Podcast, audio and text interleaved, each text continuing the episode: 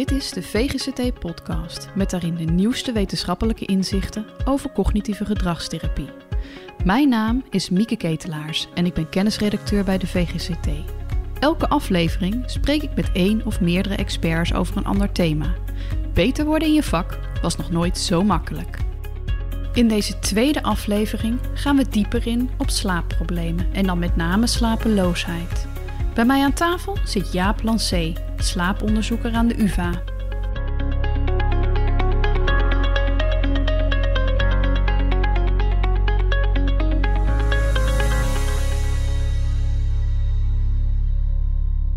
Jaap, welkom. Dankjewel. Als slaaponderzoeker zie je natuurlijk ook alle cijfers voorbij komen. En in de media worden er ontzettend veel verschillende percentages genoemd. Als je nou eens een schatting zou moeten geven, hoeveel mensen kampen er dan echt met slaapproblemen? Ja, dat is altijd een, een lastige vraag. Slaapproblemen zijn best wel veel verschillende slaapproblemen. Tegelijkertijd, ik denk als je het over schattingen hebt, kom je toch wel zeker op zo'n 15% En ik denk wat belangrijk dan te, te noemen is dat, dat slapeloosheid, die steekt eigenlijk met de koppenschouders schouders bovenuit. En dat is ongeveer 8,5% die echt voldoet aan de slaapstoornis insomnie. Dus dat is echt een enorme groep. Nou zijn er ook allerlei speculaties dat slaapproblemen de afgelopen jaren drastisch zijn toegenomen. Ehm, we gebruiken meer social media, we zitten continu in onze schermpjes en vaak wordt er ook gezegd dat we steeds meer werkdruk hebben. Is die toename waar de media het over heeft nou ook echt zichtbaar in onderzoek? Nou, dat is grappig dat je het vraagt. De, de, daar is heel veel aandacht voor, media-aandacht. En eigenlijk vind ik het een vraag die ik nog steeds moeilijk te beantwoorden vind. Dus je, je, je hoort het wel. En het is natuurlijk, we zeggen van nou, door het licht, doordat we zeg maar s'avonds meer te doen hebben, door de telefoon, dat we langer wakker blijven. En het lijkt ook steeds meer wel dat je het in onderzoeken ziet. Maar als je bijvoorbeeld helemaal naar het begin van vorige eeuw kijkt, toen gingen mensen tot heel laat werken en moesten ook nog naar huis lopen. En ja, er was er helemaal niet zoveel tijd om te slapen. Dus als je dat dan weer vergelijkt, valt het wel mee. Maar ik denk de laatste jaren dat je wel ziet dat mensen minder slapen, of in ieder geval te weinig slapen. En of we dat nou nu herkennen, of dat het een verschil is, vind ik best wel moeilijk te zeggen. Maar ik denk wel dat we met, met best wel veiligheid kunnen zeggen dat, dat veel mensen nu echt te weinig slapen. En dat ze het ook niet doorhebben dat ze te weinig slapen. Er zijn hele mooie onderzoeken geweest dat je mensen bijvoorbeeld uh, een tijd lang zes uur per nacht laat slapen.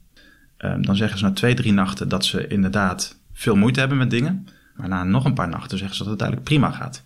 Maar als je ze dan gaat meten, zie je eigenlijk dat ze slechte concentratie hebben, uh, dingen vergeten, sneller prikkelbaar zijn, terwijl ze het eigenlijk niet meer doorhebben.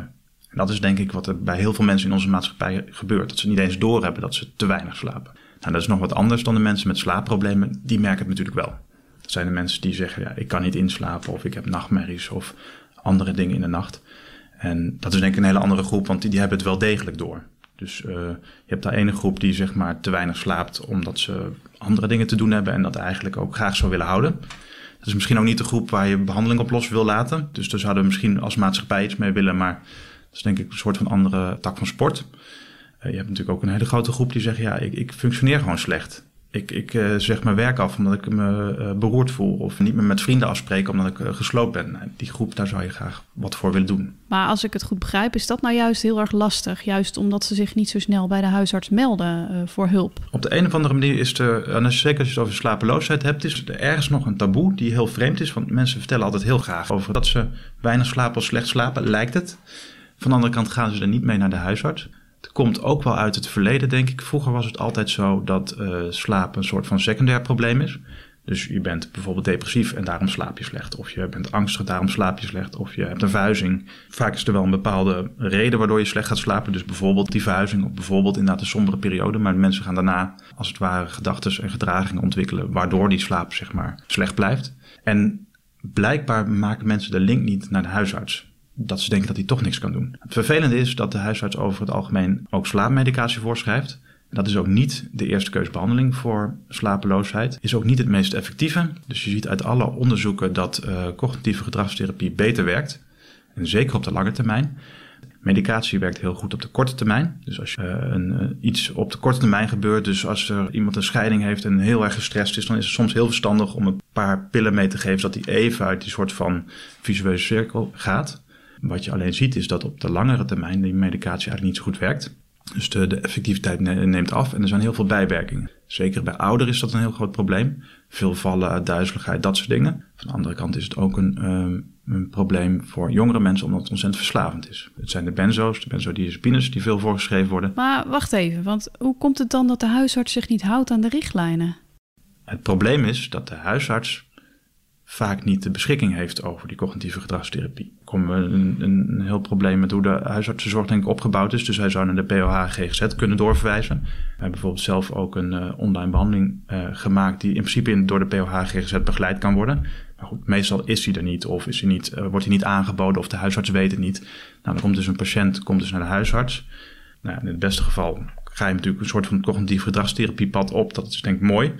In het slechte geval krijg je iemand die dus aan de slaapmedicatie raakt en daar dus uh, nou ja, ook wel afhankelijk van wordt. Het probleem extra nog met slaapmedicatie is als je ermee stopt, dat je vaak een rebound krijgt. Dus dat je dan juist slechter slaapt. Nou, die mensen zeggen dan dus, hé, hey, maar dit werkt dus blijkbaar, want nu slaap ik weer slechter. Dus dan gaan ze het toch weer nemen. Een ander probleem, denk ik een groot probleem, is dat als die um, behandeling dan geboden zou worden door bijvoorbeeld psychologen, dat het niet vergoed wordt door de verzekeraar. En kun je ons eens een beeld geven hoe CGT er dan uitziet? Jawel. Dus cognitieve gedragstherapie voor slapeloosheid is een pakket van verschillende uh, technieken. Ik denk zoals bijna elke uh, cognitieve gedragstherapeutische behandeling uh, begin je met het bijhouden van een dagboek. Je wil een slaapdagboek bijhouden zodat je een idee hebt over hun slaap. Je ziet vaak dat mensen de, de goede dagen, nou de echt goede dagen onthouden ze wel, de echt slecht onthouden ze wel, de middendagen vaak niet.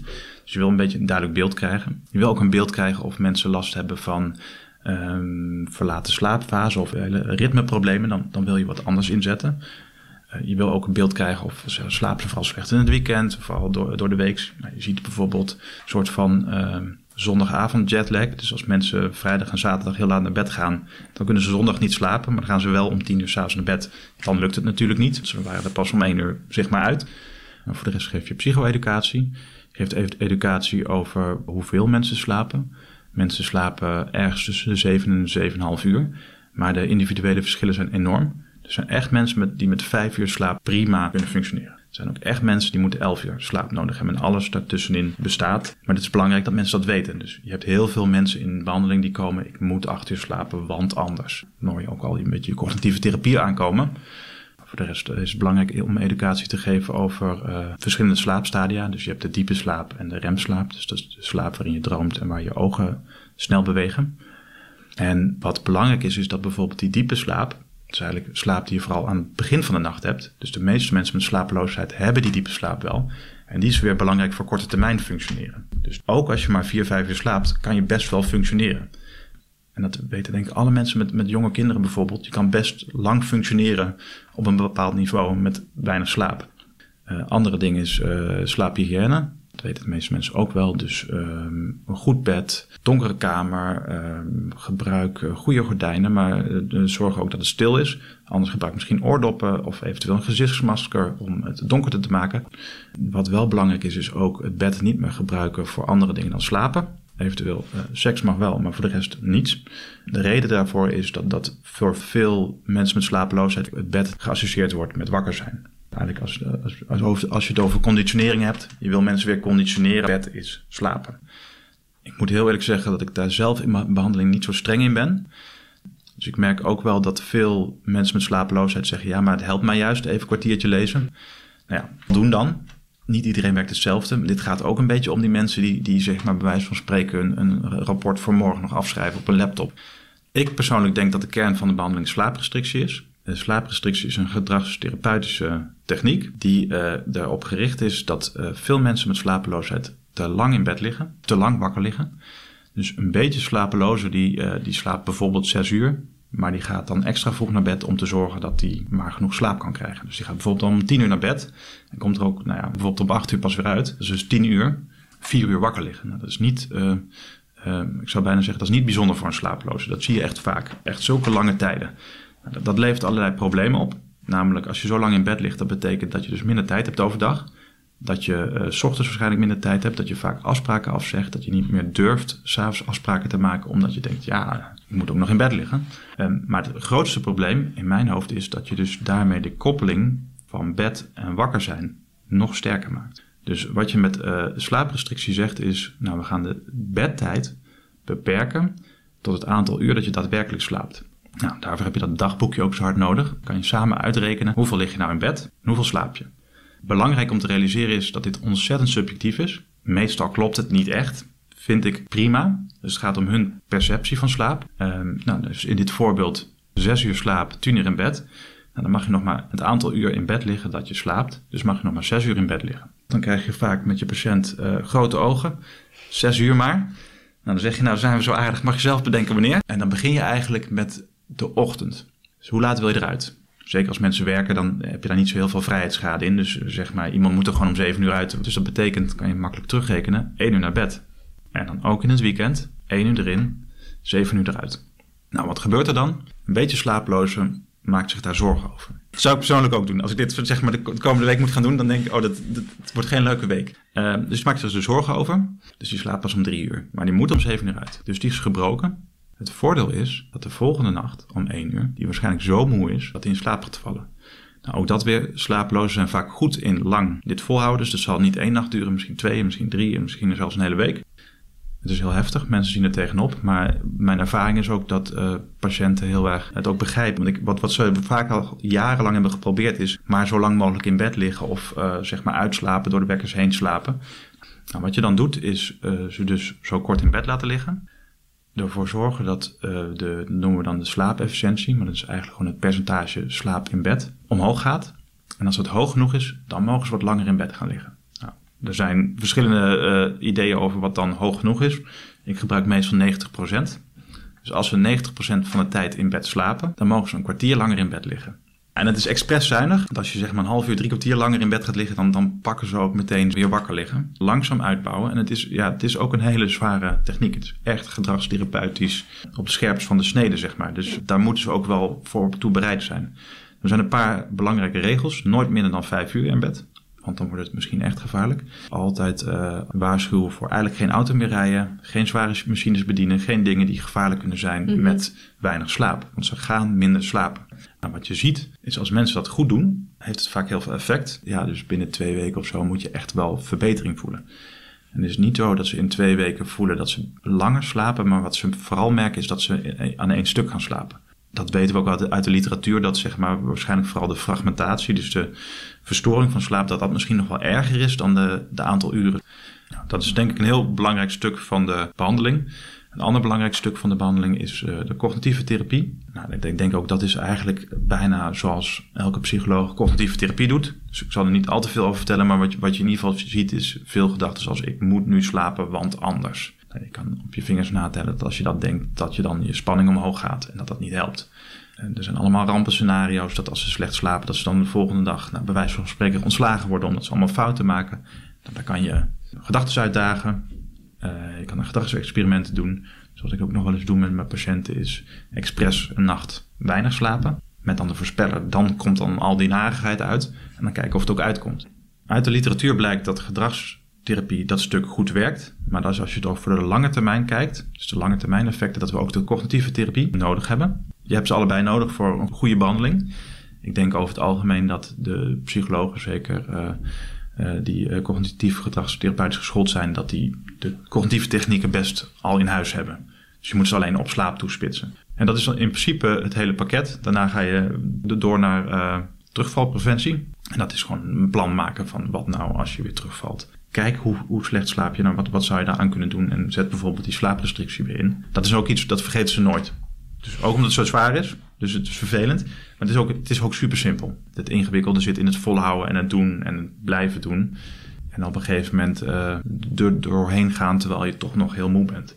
Onderzoek naar slapeloosheid is uh, één ding, maar jij doet ook onderzoek naar de behandeling van nachtmerries, begreep ik. Wat moet ik me daar nou precies bij voorstellen? Nachtmerries weten niet alle mensen is gewoon een DSM-classificatie. Uh, staat achter in het boek, dus blader een keer door. Komt bij 2 tot 5 procent van de algemene bevolking voor. En dan hebben we het over één of meer nachtmerries per week, waar je ook last van hebt. Nou is het wel zo dat nachtmerries ook vaak in een soort van het beloop van uh, posttraumatische stressstoornis voorkomen.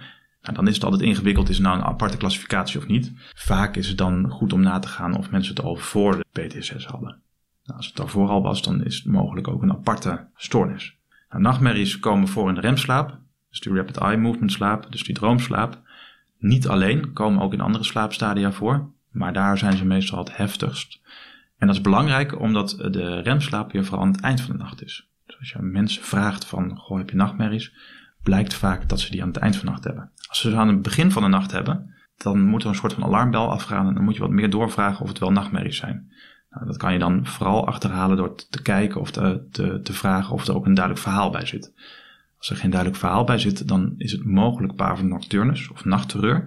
Dat zijn nachtelijke angstaanvallen. Die komen bijvoorbeeld uh, voor de mensen die kinderen hebben heel veel bij kleine kinderen voor. Kinderen zijn helemaal weg. Als je de volgende dag vraagt, weten ze ook niet dat ze het gehad hebben. Hebben er ook geen last van. Um, maar dat komt ook voor bij volwassenen. Dat zijn geen nachtmerries. Dus het is belangrijk om daaruit te differentiëren. En dan, als mensen daar heel veel last van hebben, dan, dan is het waarschijnlijk het slaapcentrum de, de aangewezen route. Nachtmerries, dat is voer voor psychologen. Um, nachtmerries zijn dromen met een duidelijke verhaallijn waar mensen vaak van wakker worden. En hoe behandel je zoiets dan? Als je nachtmerries wil behandelen, eh, de, de meest onderzochte techniek is uh, imagery rescripting. En wat je dan doet is dat je eigenlijk het verhaal laat opschrijven. En dat je dan gaat vragen aan die mensen, als je nou zou kunnen kiezen, hoe zou je dan willen dat zo'n nachtmerrie eindigt? Bijvoorbeeld iemand wordt achtervolgd door een, een of ander monster. Nou, dat monster zit achter je aan, die pakt je bijna net voordat je wakker wordt. Wat zou je dan willen doen? Alles kan. En wat de patiënt wil, dat, dat is ook goed, zolang het maar dat monster weggaat. Nou, je kan dat monster zeg maar uh, zelf op zijn neus slaan, zodat hij zeg maar uh, weggaat. Je kan uh, groter worden als Superman. Wat je dan gaat doen is overdag dat verhaal met het nieuwe einde inbeelden, totdat het helemaal goed voelt. Dus dat monster is weg, maar ben je dan tevreden? Nee, want ik ben dan nog super angstig, dus misschien wil je nog naar je familie of wil je getroost worden of wat dan ook. En het idee is dan dat de emotionele lading van die nachtmerrie minder wordt, waardoor die s'nachts verdwijnt. Nou, als je echt goede therapie hebt, komen ze de week daarna terug heel teleurgesteld, want ze hebben een nieuwe droom niet gedroomd. Maar ook niet de nachtmerrie. En eh, je ziet eigenlijk nooit dat mensen de nieuwe droom dromen. Dat zou eigenlijk heel leuk zijn, maar dat gebeurt eigenlijk niet. Dus blijkbaar is de emotionele lading eraf. Kan met uh, nachtmerries die over thema's gaan, dus geen duidelijke oorzaak, maar het kan ook zeker met traumatische nachtmerries. Er zijn ook onderzoeken die uh, dit doen bij mensen met PTSS wat ik al wel zei, ja, dan is het wel goed om na te denken: moet je niet traumabehandeling doen of niet? Ik zou nog wel onderzoeken willen zien om echt eerst nachtmerries te doen en daarna traumabehandeling. Misschien werkt dat ook wel, maar dat, daar is niet zoveel bewijs voor. Maar dromen mensen met nachtmerries dan continu dezelfde thema's? Ja, dat is eigenlijk wel een goede vraag. Dus deze behandeling is eigenlijk gericht op mensen die terugkerende nachtmerries hebben. Nou, heb je dus natuurlijk tussen zitten die dat meteen zeggen: ja, ik droom altijd over die slang, of ik droom altijd over mijn moeder die iets naars deed, of wat dan ook. Nou, dan kan je meteen aan de slag. Um, vaak is het zo dat mensen zeggen dat ze het niet echt hebben, maar als je doorvraagt dat er echt wel thema's zijn aan, aan te duiden. Bijvoorbeeld inderdaad uh, altijd, uh, wat je veel ziet is interpersoonlijke conflicten. En dan moet je met je patiënt, een, moet je daar een gezamenlijk verhaal van maken en daar dan een soort van rescripting bij bedenken. Dat werkt ook goed. Je hebt ook mensen die hebben altijd verschillende dromen en er is geen touw aan vastknopen. Dat is heel vervelend, want dan weten we het eigenlijk ook niet. Dan doen we elke dag gewoon de hele behandeling zeg maar opnieuw. Dus dan wat je bij je over gedroomd hebt, daar doe je het bij. En het idee is wel dat je daar een soort van op een gegeven moment gevoel krijgt van ik kan met dromen, kan ik wat mee. Dus dat heeft natuurlijk heel veel effect. En wat misschien nog wel goed om te, te melden is dat, dat je hebt ook nog de exposure behandeling voor uh, nachtmerries. Dat is eigenlijk net zoals met imaginaire exposure bij PTSS. Dat werkt ook. Je kan het ook behandelen als een nare herinnering, zoals bij PTSS. En dan heb je je pakket aan behandelingen, zeg maar. En dan specifiek toegespitst op de nachtmerrie. Nou, richt jij jezelf vooral op digitale behandelvormen. Wat zijn daar nou de voordelen van? Ik heb vooral veel onderzoek gedaan naar digitale vormen voor uh, slapeloosheid. Voor nachtmerries is gewoon niet zoveel. De uh, voordelen zijn dat het uh, veel beter beschikbaar is. Um, de voordelen zijn dat mensen thuis kunnen doen. De voordelen zijn dat er vaak minder kosten aan zijn. Of nadeel is dan weer dat er heel veel platforms zijn. Uh, wat is dan een goede? Je hebt ook nog mensen die liever geen online behandeling volgen. Wat belangrijk is om te zeggen is dat als je kijkt naar de effecten, dat er eigenlijk geen reden is om aan te nemen dat de effecten minder groot zijn voor online behandelingen dan traditionele gesprekstherapieën. En als je kijkt naar meta-analyses, studies die alles bij elkaar gooien, um, die zijn bij slapeloosheid niet zo gedaan, maar bijvoorbeeld bij depressie en angst zie je eigenlijk geen verschil in effect. Daar is van alles over te zeggen. Misschien komt het door uh, moeilijkere patiënten of uh, ingewikkeldere onderzoek of wat dan ook. Maar de literatuur wijst het niet aan. En er is dus niet een reden om te zeggen online is per definitie slechter. En als je dat dan bedenkt en dan ook bedenkt dat er heel weinig aanbod is voor slapeloosheid, dan is dit wel de manier om zeg maar grootschaliger eh, het in te zetten. Ik zeg altijd uiteindelijk, volgens mij moeten we meer online behandelingen doen, zodat de psychologen uh, meer tijd krijgen voor de ingewikkelde behandelingen. Maar het lijkt me behoorlijk ingewikkeld om een digitale behandeling vol te houden. En zeker als je het hebt over iets als slaaprestrictie. Ja, dan nog steeds zie je dat online behandelingen net zulke goede effecten kunnen geven.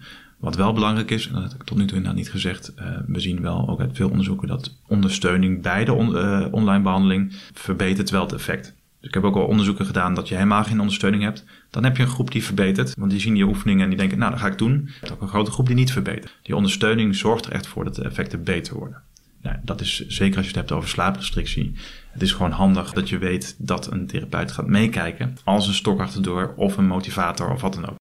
Toch hebben jullie ook wel geprobeerd om het in een digitale uh, omgeving te verwerken, begreep ik.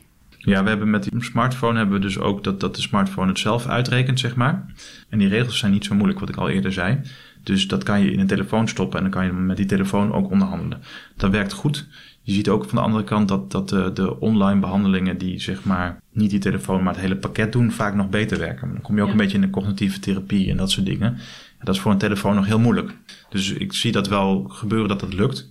Maar het is ook een beetje toekomstmuziek om het hele pakket perfect te doen. Dus voorlopig zijn we ook nog niet overbodig. Nee, maar dat, ik denk ook dat we nooit overbodig zijn, omdat we altijd nog de ingewikkelde patiënten hebben. En uiteindelijk, ja, dat is vervelend, maar volgens mij is het eerder te veel werk dan te weinig. Dus daar hoeven we helemaal niet bang voor te zijn. Nou, dat is uh, in ieder geval rustgevend voor de psychologen onder ons.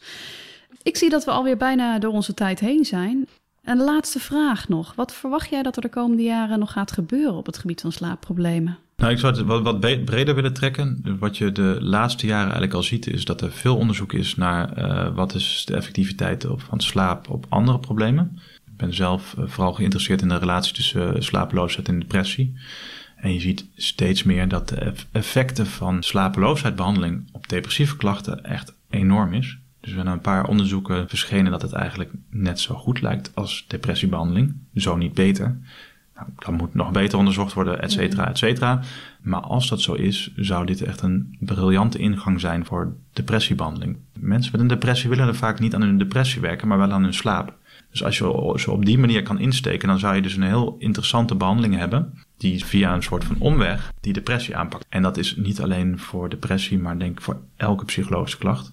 En mijn standpunt is bijna, zou ik zeggen, uh, slapeloosheid altijd behandelen aan het begin van de behandeling. Richtlijnen zeggen eerst depressie behandelen of depressieprotocol. Dus je moet er wel goed over nadenken wanneer dat goed is. Um, maar ik denk dat er echt onderzoeken gaan verschijnen die, die dat gaan aantonen van misschien kan je net zo goed met slaap beginnen.